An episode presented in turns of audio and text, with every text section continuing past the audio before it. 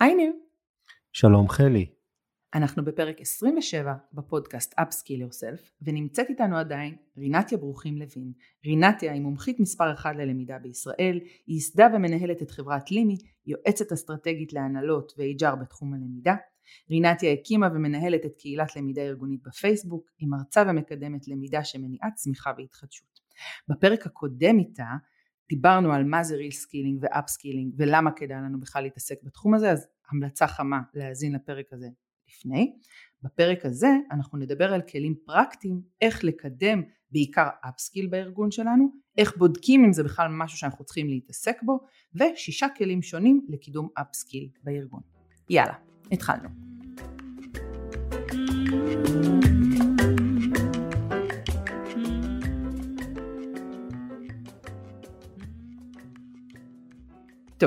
אז אה, אנחנו ממשיכים אה, עם אה, רינתי המהממת והמושלמת. בפרק הקודם דיברנו איתה על מה זה reskilling, מה זה upskilling, למה כדאי בכלל להשקיע בזה אנרגיות ומאמץ ולעשות את זה. אז בפרק הזה אנחנו נתמקד באיך לעשות את זה בפועל.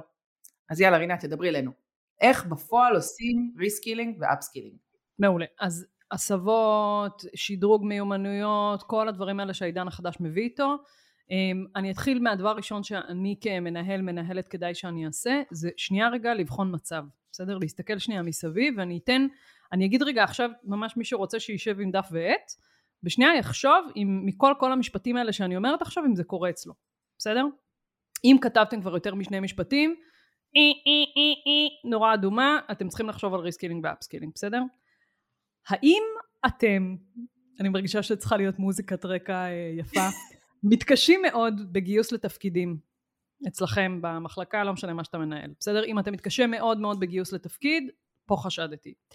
אם קיים חשש ממשי מעזיבה של עובדים, בסדר? אצלך, אמ, והוא אפילו ממש קורה בפועל, זה עוד איזשהו אה, נורת אזהרה, או לא משנה, לא, לא יודעת איך לקרוא לזה בצורה חיובית, שבעצם צריכה לגרום לי לחשוב אם, אם שווה לי לעשות תהליכי reskilling אה, ו upskilling. אה, אם העובדים עצמם אומרים, תקשיבו, אני מרגיש שאני תקוע, בסדר? במקום. אני לא מרגיש שאני מתפתח, זה יכול להיות שהם אומרים את זה בסקר, זה יכול להיות שהם אומרים את זה בשיחה אישית איתך, זה יכול להיות שהם אומרים את זה בכל מיני דרכים, אבל העובדים מבטאים חוויה של תקיעות, בסדר? אמ, אם קיים, אמ, קיימים במחלקה שלי, בתחום שלי, או התחום שלי באמת המקצועי שאני מוביל, הוא בסכנת הכחדה, או שינוי מהותי אה, בשלוש שנים האחרונות יש אה, ממש רשימה כזו שמוציאים אה, אחת לכמה זמן שבעצם מדברת על מקצועות שעומדים להיכחד. בגדול כל מה ששוב אני חוזרת על העיקרון המנחה שכל מה שטכנולוגיה דיגיטציה אוטומציה יכולים להחליף אותו הם בסכנה מיידית. ודווקא מי שלא בסכנה אגב והם אפילו הולכים להתפתח ולצמוח וזה גם אומר הרבה על ה upskilling שלהם זה כל מי שעובד עם הנפש, כל מי שעובד עם מקומות שבהם אני לא רוצה שהמכונות יחליפו אה, זה, זה יכול להיות סיעוד, עובדים סוציאליים, כל האזורים האלה. כן יש מרכיבי תפקיד מן הסתם שבתוך הדבר הזה השתנו, אה, והשתנו מהותית, אבל המקצוע כמקצוע בליבה שלו הוא עדיין מאוד יידרש, יש עוד כאלה, בסדר? כל אזורי הפנאי למיניהם, תמיכה בגיל השלישי, אה, כאלה זה עולמות שיגדלו. אמ, האם הארגון שלי רוצה לפרוץ לתחומי מקצוע או אזורים חדשים בעולם? בסדר? אם הארגון שלי בהגדרה, או אני כמנהל בהגדרה שם את זה כאחד היעדים שלי, על ממש להוביל שוק באמת, בסדר? לעשות משהו חדשני, אחר, יוצא דופן, אה, תחשבו. אה, אם נדרשים אצלי בעלי תפקידים שלא קיימים כרגע. Mm-hmm. בסדר? כמו למשל אה, מהנדס מחשוב קוונטי, בסדר? סתם דוגמה. ואם יש איזשהו ניתוח אסטרטגי אה, שעשו בארגון, שמראה על צורך בשינוי ממש ממש מסיבי בדרכי הפעולה של הארגון או אה, בדרכי הפעולה שלנו כמנהלים, בסדר? אז זה בגדול. אם סימנתם, כתבתם יותר משניים, חבר'ה, ת... עכשיו תקשיבו למה שאני אומרת בהמשך, בסדר? אם לא, תעצרו פה. אני חושבת שכשאמרת, אם אתם מתקשים לגייס ואתם חוששים מעזיבה, אני חושבת שזה מתאר לפחות 80% מהארגונים בעולם. נכון, זה אחת הסיבות ש reskilling ו upskilling הם אה, הופכים להיות, אני אגיד, מבחינת נתונים אגב, כששואלים אה, אנשי למידה, ארגונים בעולם, כמה אתם עוסקים בתחומים האלה של reskilling ו upskilling, בעולם זה בין, בין 1 ל-3, אוקיי? בישראל זה מקום 11, זה, זה מראה טוב טוב על מי אנחנו ומה אנחנו, אנחנו גם הרבה פעמים מאוד עסוקים בכאן ועכשיו ולא חושבים קדימה ו... אוקיי, אז נגיד עברנו את זה והבנו שוואלה, אני צריך לחשוב על הדבר הזה. בסדר? אבל רגע שנייה, כן, האם אני אמור לעשות את התהליך הזה רק עם עצמי, אולי עם צוות, פורום, 360, קרוס, מה את ממליצה? אז פה אה, אני לגמרי לגמרי ממליצה, אם יש לך את החיבור ואת היכולת לעשות את זה ואתה גם במקום כזה מבחינה אישית, אני כן ממליצה לעשות את זה בתהליך סיור מוחות. שכולל בתוכו כמה שיותר גורמים, אנשים, מבחינתי זה משהו שצריך לעשות אותו אפילו עם העובדים עצמם, בסדר? אני אתן דוגמה ממש אמיתית מאחד הבנקים שאנחנו עובדים איתו עכשיו בתהליכי ייעוץ אסטרטגי לדבר הזה של למידת עתיד. אנחנו בעצם הולכים לכנס את כל ההנהלה, כאילו, סליחה, מייצגים של ההנהלה, מייצגים של העובדים ומייצגים של ממשקים ביום אה, ממש שבו אנחנו קוראים לו בחזרה לעתיד, בסדר? וביום הזה, היום הזה נפתח שנייה מסקירה של איפה השוק הזה הולך להיות בעוד שלוש שנים, איך הוא הולך להיראות, גם שוק העבודה, גם מיומנויות עתיד וגם העולם המקצועי הבנקאי שלהם בתחום ספציפית של רגולציה שהם עובדים בו, הכי משעמם, בסדר? סבבה. זה החלק הראשון. בחלק השני יושבים בשולחנות עגולים דווקא קבוצות הטרוגניות, בסדר?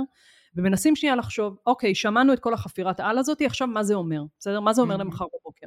מה שלושת השינויים שאנחנו מבינים שהדבר הזה אה, הולך להשית עלינו, אוקיי? אה, זה כמובן מול המצב הרצוי של איפה אנחנו רוצים להיות וכולי. איזה מיומנויות זה אומר שאנחנו כבר היום, וכמובן גם תוכן מקצועי, שאנחנו כבר היום צריכים להתחיל לסגל לעצמנו, לשנות את ה mindset, לשלוט בהם וכולי. אמ, ומול המצב הקיים היום, אם מיפיתי את השלוש, ארבע הדברים שאני אומר שאוקיי, אנחנו צריכים לרכוש, לסגל, ללמוד, להקנות לעצמנו, איפה זה מול המצב הקיים היום? בסדר? זה כאילו אם אני רגע לוקחת את זה כרמזור, זה באדום, זה בכתום, זה בירוק, איפה אנחנו מול זה, ואז מתוך זה אנחנו לוקחים את זה ומתחילים לבנות בעצם אה, תוכנית עתיד. אה, זה כמובן לא קשור רק ללמידה, כי זה מאוד יכול להיות שמפת המקצועות משתנה, זה יכול להיות שמודלי העסקה צריכים להשתנות, זה יכול להיות הרבה דברים, בסדר? אז אני מתמחה בלמידה. אז... אבל אני אוהבת שאתם, כאילו, ש, שבתהליך הזה בסוף יוצאים עם משהו ממוקד, כי אם עכשיו אני... ילך ואתפרס על כל המיומנויות שצריך, כמו שדיברנו קודם, זה overwhelming, אני צריכה להישאר ממוקדת ולבנות את זה בתוכנית. ולהגיד מעולה. אוקיי עכשיו ברבעון הקרוב נתמקד בשלוש מיומנויות, כאילו אני צריכה כן. שזה יהיה משהו שהוא... אני אתן דוגמה מעוד ארגון, אה, ארגון אה, ביו-פארמה, בסדר? של איזה 150 עובדים, משהו כזה, שעשינו את החשיבה הזו בחוכמת ההמון עם כל העובדים. ממש ברמה הזו. זאת אומרת, העובדים רגע צריכים להבין גם, וגם המנהלים מן הסתם, שהגבינה זזה אבל אה, זזה היטב, בסדר? והיא התערבבה והיא כבר לא נראית אותו דבר וכולי. עכשיו כשאני פותחת את השיח הזה עם העובדים, עם הזה, כולם מתחילים להתכוונן, כוונת הלב מתחילה להתכוונן לאותו מקום. וזה לא אני בשושו יושב במחשכים ואומר אוי ואבוי מי מה מו, להפך אני רוצה שהעובדים ייקחו חלק בתהליכי החשיבה האלה, הם חכמים לא פחות ממני, הם יודעים המון, יש להם הרבה מה להגיד, הדבר הזה הוא גם מאוד רותם, גם מאוד, בקיצור כל הדיבור של העולם החדש. זה גם גורם להם להיות יותר רתומים לתהליך וללמידה של זה, וזה גם עוזר להם להבין שהארגון, כוונת הלב של הארגון היא לשמר, היא לעשות את זה ביחד איתם, היא לא לעצום עיניים. אני לא צריכה להעסיק את ה mind שלי במחשבות של מה יהיה איתי והאם יפטרו אהמ. אותי, כי כאילו יש פה חשיבה משותפת של איך אנחנו עושים את זה ביחד. אני ממש נכון. אוהבת. אחלה. אז זה הדבר הראשון שאני ממליצה עליו, כאילו יש את השאלות האלה, ההתכוונות הזאת, הכוונה הזו. אה, אפשר, אני מציעה קודם שיהיה צוות מצומצם שנייה ששנייה יבין רגע מה מומי, ואז באמת להתחיל לפתוח את זה לכמה שיותר מבחינתי אנשים. יש היום אין ספור יכולות גם לעשות הנחיית המונים ובעצם להביא את הידע הזה מכולם, אה, אז זה אחד. ואני רגע נוסף... גם אגיד רגע עוד משהו, אני חושבת שאם הארגון שלי לא רואה בזה ערך ולא עושה את זה בעצמו, אני כמנהלת יכולה לעשות את זה ליחידה שלי, לצוות נכון. שלי, למחלקה שלי, לאגף שלי, ולראות רגע את המקצועות ולעשות איתם ביחד חשיבה. ואז אם יש צורך לבוא ולבקש קורסים, הכשרות, או לעשות משהו פנימי, שכל אחד עכשיו לא יודעת מה, לומד תחום מסוים או משהו מסוים, מלמד את האחרים, זאת אומרת, זה לא חייב להיות רק דברים ברמה הארגונית הגדולה, נכון. זה יכול להיות גם לגמרי ב, ב, בחלקת האלוהים הקטנה שלי. לגמרי. תראו, תהליכי reskilling הם באמת תהליכים מאוד מאוד גדולים והם משיתים המון. הסבת תפקיד זה לא דבר אה, פשוט. עולמות ה upskilling הם קצת יותר פשוטים. הם יותר אכילים ו, ולכן מנהלים צריכים גם בעיקר לעסוק בהם, ארגונים כארגונים ומנהלים בכירים יותר צריכים לעסוק לדעתי בעולמות ה reskilling, אבל בוא נגיד שאם אתה רואה אצלך שמפת התפקידים משתנה במחלקה שלך, ביחידה שלך, תרים דגל, בסדר? כי זה לא משהו שאתה תרצה להיות עם הגב לקיר אחר כך. אמ, עוד דבר שאני ממליצה בשביל לקדם את תהליכי, אחרי שהחלטנו, ראינו, מיפינו טיפה, הבנו לאן אנחנו אמורים להתכוונן, אני מאוד ממליצה um, לבחור אתה כמנהל, מנהלת, תבחרו שגרות עבודה וטקסים שכבר קיימים, אוקיי? דברים שקיימים, ועליהם בעצם תתחילו להלביש את הלמידה, לא להתחיל להמציא את הגלגל ולעצור את כל העבודה וכל הזה, זה דברים מאוד קשים הרבה פעמים לביצוע, בטח אם אין משאבים וכאלה, אבל בעצם להתלבש על שגרות קיימות, זה אומר סתם לדוגמה, אם יש פעם בשבועיים אה, ישיבה אה, מחלקתית, אז יהיה עשר דקות שבהם כל פעם עובד או עובדת אחרים מציגים את מה שדיברנו, אז נגיד סתם, עוד פעם אני חוזרת לדוגמה של מחשוב קוונטי, אוקיי, אז מישהו יציג שנייה מה אומר ומה המחקר האחרון שיצא על זה ומה זה, ושבועיים אחר כך מישהו יציג עוד משהו, ולאט לאט אנחנו נתחיל להתכוונן גם לשפה העתידית הזאת, העובדים יקבלו הזדמנות ללמד גם אחרים, וכזה, אז זה לגמרי, כאילו קחו שגרה, ממש תחשבו על שגרה שהיא קיימת אצלכם, אמ, ועליה תלבישו בעצם את המסלול הזה אה, של ה upskilling ובכלל למידה, אגב לא קשור רק ל upskilling ו reskilling, מנות קטנות, זה בדיוק, בסדר? אבל מנות קטנות, זה לא חייב להיות אגב רק מנות קטנות, כי זה יכול להיות גם ביום אה, שקורה אחת לחצי שנה וזה משהו זה, להקדיש כמה שעות טובות ללמידה. הכוונה פה היא לא, לא לנסות לשבור את התבנית הקיימת ובתפיסה שלנו למידה זה יום, עם בורקסים, תעצור את הכל, תתי טטטה. קח משהו שכבר קיים, עליו תלביש, תרוץ על המסלול הזה, בסדר? זו דוגמה מצוינת לאופן שבו היום מטמיעים שינויים. לא הורסים מבנים ובונים חדש, אלא באמת משתמשים בתשתיות הקיימות ועושים להן reskilling או upskilling. אוקיי, אני עכשיו הרציתי רבע שעה לתכנות קוונטי. והפוקוס שאני שמעתי בדברים שלך, ובואי תדייקי אותי, הוא התוכן. Mm-hmm. ואותי יותר מעניין עכשיו, איך, איך הלכת ולמדת את התוכן? איך התמודדת עם אי הוודאות של הנושא? האם נתקלת בקשיים ובעקבותיהם פיתחת לעצמך חוסן? האם, איך עשית את הניהול העצמי של הלמידה? זאת אומרת, בעיניי כל מה שאת מתארת כרגע היא הפלטפורמה למהות של הפיתוח האישי המקצועי שאני כמנהל יכול לקחת להזדמנות הזאת.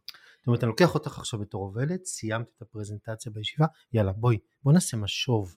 בוא נמנף את זה בדיוק לשגרה שכרגע דיברנו. דגש סופר חשוב, אני ממש ממש מסכימה. אני בראש שלי הרבה פעמים, ואתה מחזיר אותי לאזור שהוא גם הוא, הוא קריטי, בסדר? אני בראש שלי הרבה פעמים חושבת כאילו על ה upskilling המקצועי, ולא תמיד אפילו אני בעצמי נותנת מספיק מקום ל upskilling האישי נקרא לזה, המיומנויות, חוסן, כל הדברים האלה. אני אשלוף פה רגע מתודה ש... או כאילו דרך של למידה שאתה כמובן אחד המאסטרים שלה זה כל העולם של מטה קוגניציה בסדר ולעשות רפלקציה בעצם למה שאנחנו רואים שהעובד עצמו עושה וזה חוזר בדיוק לשאלות שלך איך חקרת את זה מה עשית מה זה גרם לך להרגיש, בסדר? שאלה שהיא ככה לא תמיד נפוצה בארגונים, אבל כשאתה קורא פתאום על זה שהמקצוע שלנו עתיד להשתנות בעוד שנתיים לאזורים האלה והאלה והאלה, מה, בוא נחשוב שנייה, ניתן, בסדר? אז אני, אני, ואני אוסיף עוד שאלה אחת שאני כן. מאוד אוהב לשאול, מה הפתיע אותך בתהליך? זאת אומרת, מה הפתיע אותך כשהתכוננת, מה הפתיע אותך, ש... מה, משהו אחד שהפתיע אותך, ובעצם זה מחייב את האדם רגע לעצור, ולעשות את המטה קוגניציה גם בלי להבין שהוא עושה מטה קוגניציה. אז רציתי רגע שנייה לעשות עוד כלי כאילו של המטה קוגניציה בשביל זה, מטה קוגניציה בהגדרה המחקרית שלה זה בעצם היכולת הקוגניטיבית שלנו כבני אדם להסתכל קצת מבחוץ על תהליכי החשיבה שלנו. חופר. חשיבה על חשיבה. בדיוק, בסדר? חופר, אבל אה, אחת המיומנויות המאוד מאוד קריטיות אה, למי שרוצה להתפתח באופן כללי, לא רק בעידן החדש מן הסתם, אבל בעידן החדש תופס תאוצה. אגב, מה ללמד את הילדים שלנו, בסדר? זה. זה מאוד מאוד מאוד קריטי. אמ, אני אתן לזה דוגמה מאוד מאוד קטנה, במקום לשאול אה, את עצמי או את העובד, טוב, במשוב, כל משוב שהוא וזה, מה היה לי פה, אז מה אני אעשה אחרת בפעם הבאה, זה להוסיף את השאלה של מה היה לי פה, למה פעלתי דווקא ככה, ורק מתוך אחרי שעניתי על זה ננסה לחשוב על מה כדאי לעשות בפעם הבאה בסדר כי כשאני מבינה את הלמה אז אני עושה רפלקציה שנייה לעצמי וכשאני שואלת מה מפתיע אותי אז זה גורם לי ל... וכש... וכולי וכולי יש לזה עולם ומלואו למטה קוגניציה זה כלי מחקרי מאוד מאוד חזק כן נרגו לא, אני מחייך כי עשינו שלושה פרקים משוב בדיוק על זה, על ההבחנה בין ידע, תפיסה, יישום או מיומנות. אני רוצה אבל לדייק שזה לא בהכרח יגיע למטה-קוגניציה. Mm-hmm. כי המטה-קוגניציה אומרת, עכשיו עשינו שחזור של התהליך, מה למדנו על התהליך, זה מבט על, זה לא רק connecting all the dots. אני אתן דוגמה מאחי הקטן, בסדר? יש לי אח, הוא היה בקורס בתותחנים, ולפני שקורס מפקדים התחיל, נתנו להם דף A4, הכי כאילו פושט, עם אה, כל תכונות המפקד התותחן בצד ימין, בסדר? ובעצם אה, ליד כל אה, תכונה היו עוד כאילו שתי עמודות, תכונ... הפירוט לכל תכונה, הוא בעצם היה צריך ללכת ולחקור מה הוא עשה עד היום בחיים שלו, כן, ילד בן 19, מה הוא עשה עד היום בחיים שלו שבעצם מביא לידי ביטוי את התכונה הזו, למה לדעתו היא באה לידי ביטוי, כן, ממש אמיתי, דף A4 כאילו הכי פשוט, אבל זה היה הכנה שלו לקורס, ובקורס, תוך כדי הקורס, בפגישות עם המפקד, הוא היה צריך למלא בעצם את העמודה הנוספת שמדברת על איפה בקורס ובתפקיד זה יבוא לידי ביטוי. מדהים. אוקיי? מדהים. אז מדהים. זה, נכון, אז זה כאילו מיומנות נורא גבוהה ונורא מורכבת וזה, אבל פתאום גם בקורס בצבא, קורס מפקדים של ילדים בני 19, אני הייתי בהלם שהוא בא עם הדף הזה, הייתי בשוק, לא הבנתי מה הוא בכלל שואל אותי על איזו התנדבות שהוא עשה פעם ומה הקשר לאיך שהוא, לא הבנתי כלום. ואז הוא הראה לי את הדף הזה ואני כאילו וואו, במה חזו עיניי עכשיו, כולי מתלהבת בחנוניות שלי, אבל זה דוגמה מעולה, ואז אני יכולה באמת לקחת את המיומנויות האלה ב upskilling, ובעצם בתהליך של I grow, לא משנה מה, ללוות את זה על ידי, ואז ההמשגה, ואז באמת אבל, לחבר אבל את זה ליום יום. האם המנהל אמר לו, תראה, בעקבות מה שעשית עכשיו העלית את המודעות העצמית שלך, האם בעקבות מה שעשית עכשיו מיומנויות הרפלקציה שלך יותר גבוהות, תהליך ההתבוננות, אני לא בטוח שמשתמשים בטרמינולוגיה הזאת. אני בכוונה אומר בסדר. תהיה בטוח שלא משתמשים בטרמינולוגיה. אוקיי, בסדר. אבל תראי איזה יופי, יש פה פלטפורמה מצוינת שאפשר להשתמש בה ברמות שונות בהתאם לאוכלוסייה, בהתאם למאפיינים, בהתאם לצורך, אבל מה שחשוב להבין שיש לזה עומקים כמו שאמרת. נכון. לגמרי. אה, אני עוד פעם חוזרת על החשיבות של הכלי הזה, מטה מחקר, זה אומר שאספו המון המון המון המון מחקרים בתחום הזה ומראה כמה הכלי הזה הוא מאוד עוצמתי מבחינת היכולת שלי להתפתח וללמוד ואם אני מחברת את זה באמת לתהליכי upskilling ואפילו reskilling אז אה, השמיים הם הגבול. אמ, אז דיברנו על אה, לבחון ככה מה מצבנו גם על ידי השאלות וגם עם איזשהו אפילו הפנינג סיעור מוחות ביחד עם העובדים ועוד ממשקים וכזה. דיברנו על לבחור שגרה ניהולית ולהתלבש עליה אה, מבחינת ה- להכניס בתוכה את הערוצים האלה של ה upskilling וה reskilling אמ, דיברנו על מטה קוגניציה אמ, ועוד דבר הצעה שאני רוצה לתת זה לבחור בעצם אצלי בצוות לצורך העניין מומחים לכל מיני נושאים. אחרי שמיפינו את הדברים, אז אני אגיד, נגיד נירגו יהיה אחראי על הנושא של חוסן, בסדר? וחלי תהיה אחראית לנושא דווקא הטכנולוגי של אה, לא יודעת מה, ואורן יהיה אחראי ל... וכל פעם מישהו כזה בעצם גם יפנו אליו כלאט לאט מי שמתחיל לפתח מומחיות בתחום הזה, בסדר? ואז זה כבר היבט של למידה שהוא קצת יותר קהילתי, קבוצתי, וגם הוא יכול לתת לנו תוכן פורמלי או להפנות אותנו לתוכן פורמלי על הדבר הזה. אה, ופה אני בעצם מרוויחה עוד משהו שאני מייצרת עוד ערוץ התפתחות גם אצל העובדים שלי. אני יכולה לתת להם לבחור איזה ערוץ התפתחות הם רוצים, הם רוצים לקחת על עצמם. אה, ואפשר כאילו להריץ את זה באלף ואחת דרכים אבל זה בעצם אה, לדאוג לזה שהידע הזה כל הזמן יזרום פנימה ויהיה מי שאמון עליו ויריץ אותו רוחבית ולא רק אה, זה. אז זה עוד אה, רעיון. מהמם, אני, אני מחברת רגע את מה שאמרת ל-iGrow, להתפתחות האישית מקצועית.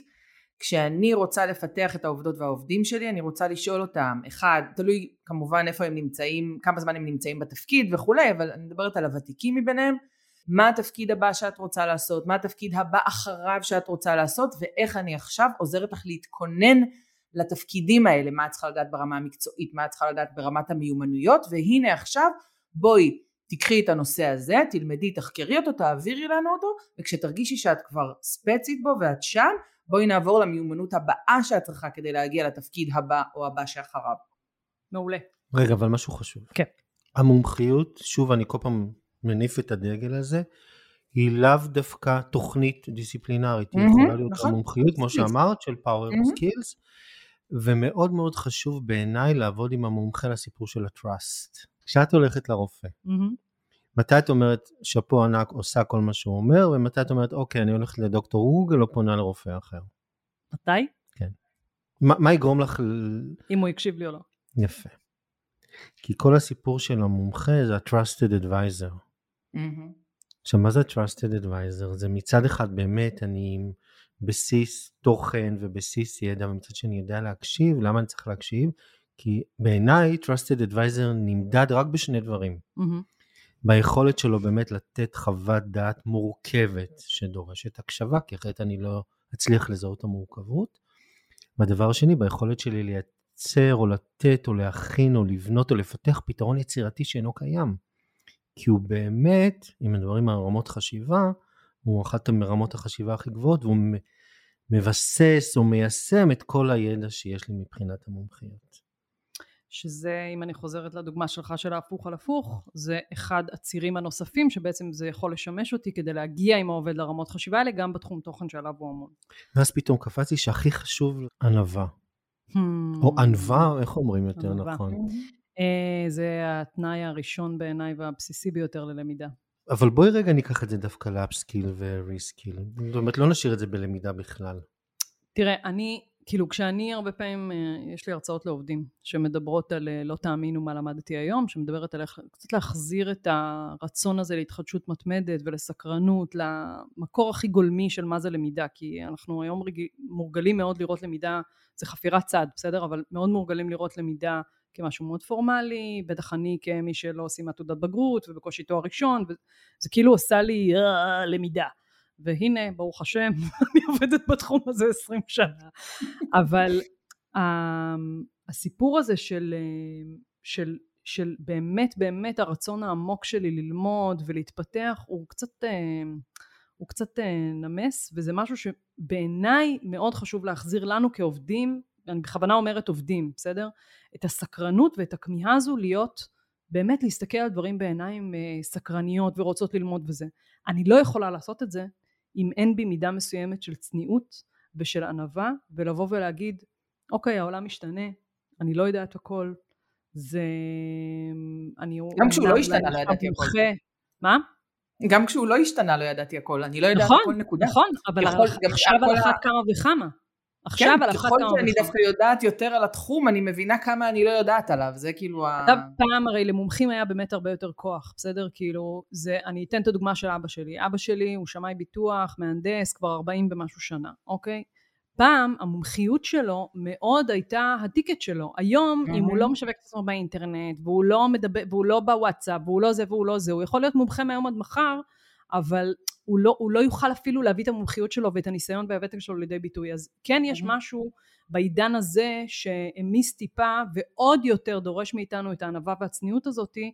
על אחת כמה וכמה אגב מנהלים, ובעיניי הסיפור של מנהלים הוא מאוד מרתק, כי אם פעם המנהל הוא גם היה מומחה התוכן, בסדר? נכון, היום הסיכוי שמנהל באמת יעקוב אחרי כל השינויים תחת, על צוות מקצועי שהוא מנהל, היא, היא לא, הוא צריך לדעת לשאול את השאלות הנכונות, הוא צריך לדעת להיות מאוד צנוע, וזה מוביל אותי לכלי הנוסף שלנו, זה ה mentoring ההפוך, בסדר? mentoring הפוך בעצם אומר, אם היינו רגילים שהצעירים לומדים מוותיקים, הוותיקים לומדים מהצעירים, וזה מדהים. מתחבר ממש, וזה מתחבר להמון דברים, בואו ניקח אה, את אחד מיומנויות העתיד או ההווה כבר, אוריינות דיגיטלית, בסדר? זה הכי אה, מובן, אבל לא רק זה, זה ה mindset נגיד של אה, הדור החדש וכולי וכזה וזה, mentoring הפוך בשביל לעשות את ה upskilling הזה אמ, זה תהליך נירגו ככה אמר לנו בהפסקה דורש אומץ המון המון המון אומץ כי זה בעצם קצת לשנות סדרי עולם אבל הוא, אפשר להפיק ממנו המון.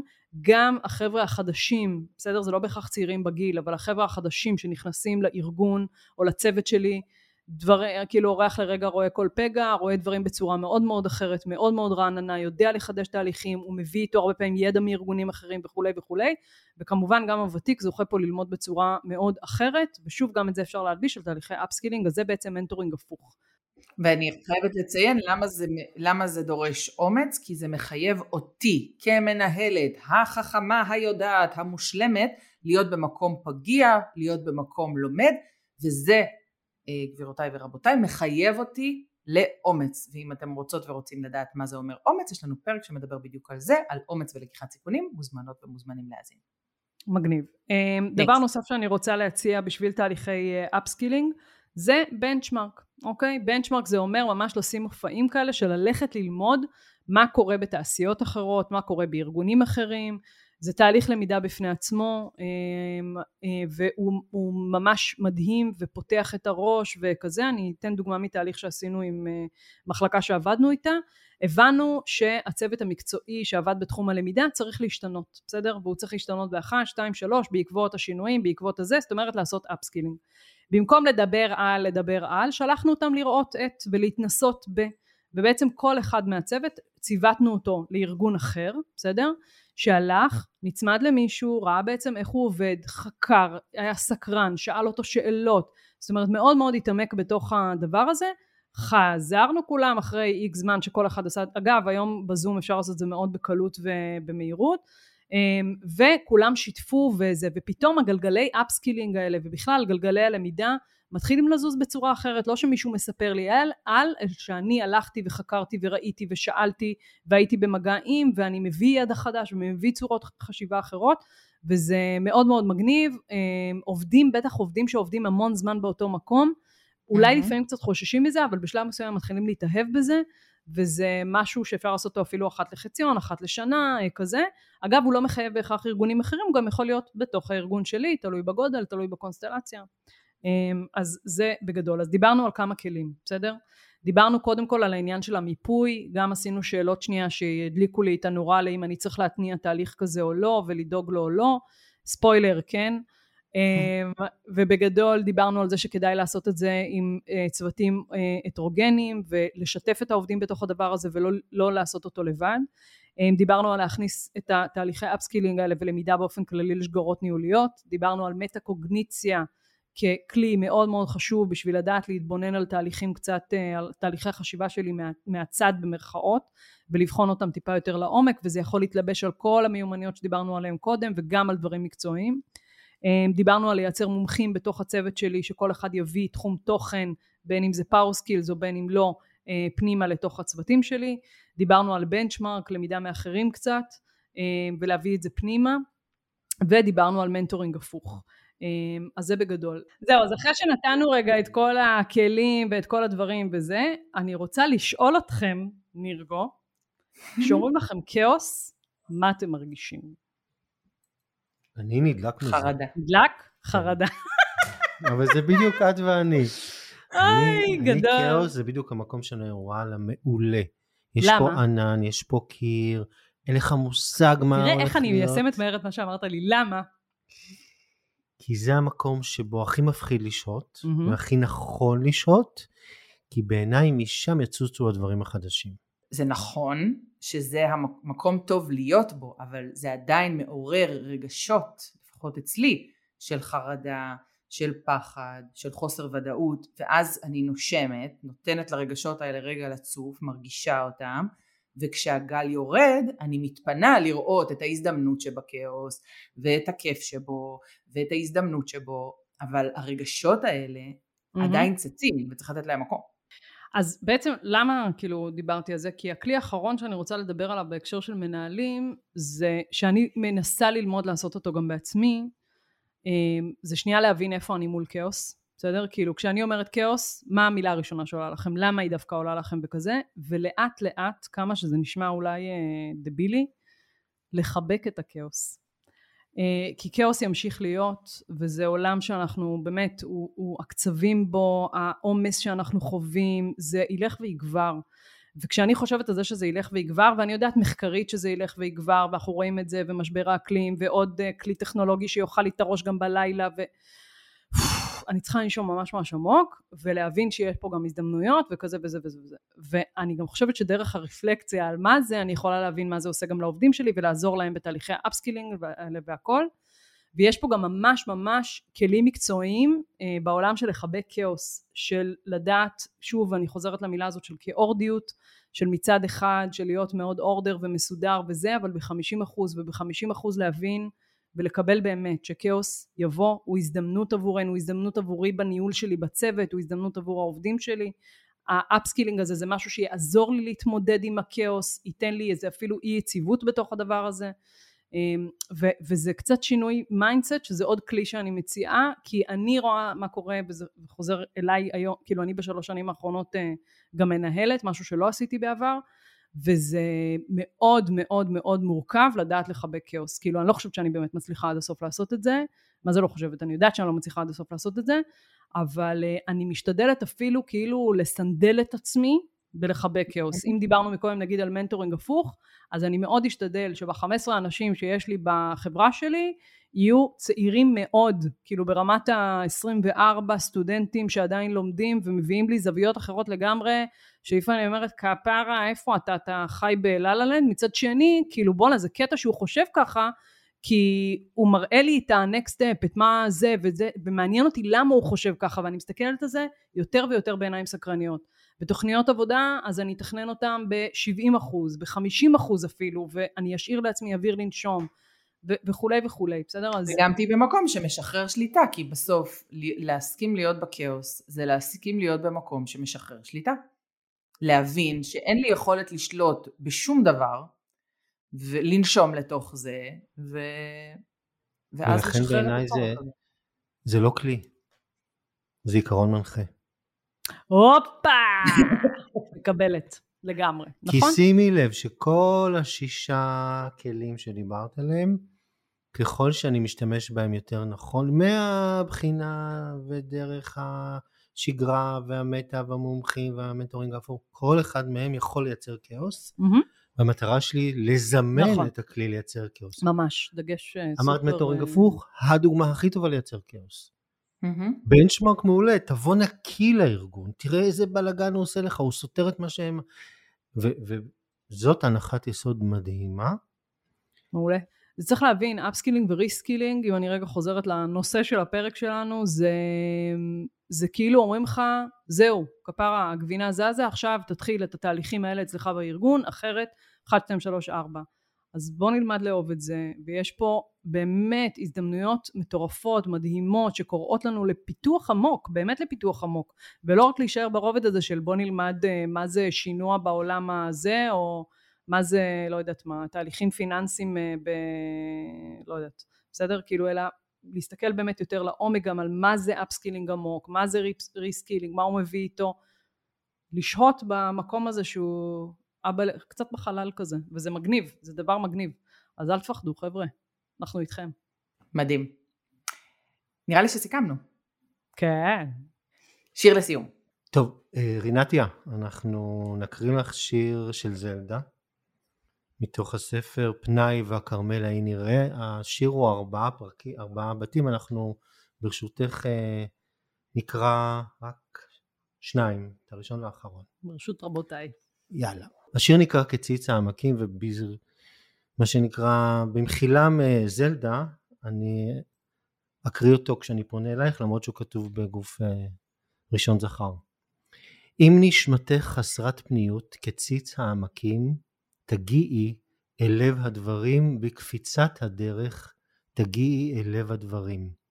אם נשמתך חסרת פניות כציץ העמקים, לא תטביעי בחושך עד השורש, לא תטבעי בה עכשיו עד הנקודה הפנימית. רינתיה, תודה רבה. תודה, רינתיה.